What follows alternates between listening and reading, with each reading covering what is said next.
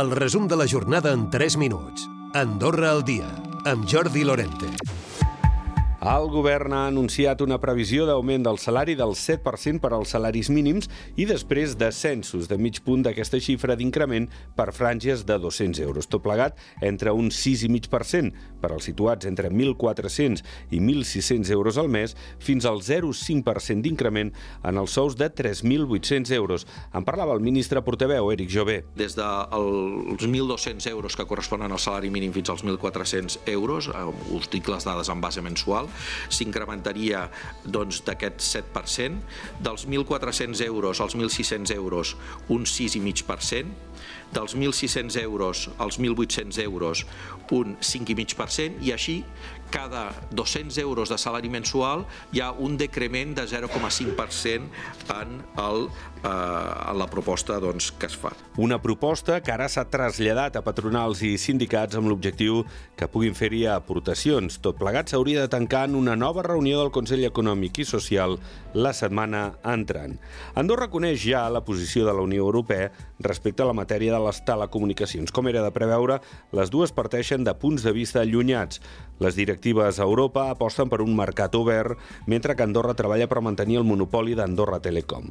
Pel que fa a la lliure circulació de treballadors, el país busca mantenir el seu sistema de quotes i per a defensar la seva posició es basen en el model de Liechtenstein, al que la Unió Europea ja li va donar el vistiplau. En parlava el secretari d'Estat d'Afers Europeus, Landry Riba. Anem trobant punts d'acords i, i pensem, en tot cas, confiem en que puguem acabar amb un sistema basat sobre, sobre quotes. Eh, no pot ser tal com el coneixem avui en dia, però doncs, amb algunes variacions. 170 casos nous de la Covid durant la darrera setmana. És una desena més dels que es van notificar la setmana anterior. La situació a l'hospital es manté estable, amb tres persones ingressades, dues a planta, i el pacient que estava a l'UCI la setmana passada ja no necessita ventilació mecànica. La part artística de l'Espai Caldes estarà enllestida després de l'estiu vinent i l'obra sencera a final d'any. Això serà possible perquè la constructora podrà fer les intervencions previstes simultàniament i no per fases. En parlava la cònsul major escaldenca, Rosa Gili. L'actuació en si de Caldes, eh, eh, la previsió és que sigui a finals d'estiu, el que passa que pot faltar alguna cosa a nivell de pavimentació, eh? És a dir, eh, definitiu, compteu finals d'any, dependrà també en quin moment es pot pavimentar. Però la part artística que, que volem que la que hem de gaudir tots els ciutadans hauria de ser cap a, a finals d'estiu. El cost de l'obra s'aproparà finalment als 5 milions d'euros.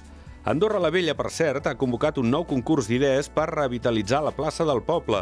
És un dels grans projectes de la majoria comunal i l'objectiu és connectar-la amb l'Avinguda Meritxell i Prat de la Creu. S'hi podran presentar propostes fins al 30 de gener. Recupera el resum de la jornada cada dia a Andorra Difusió.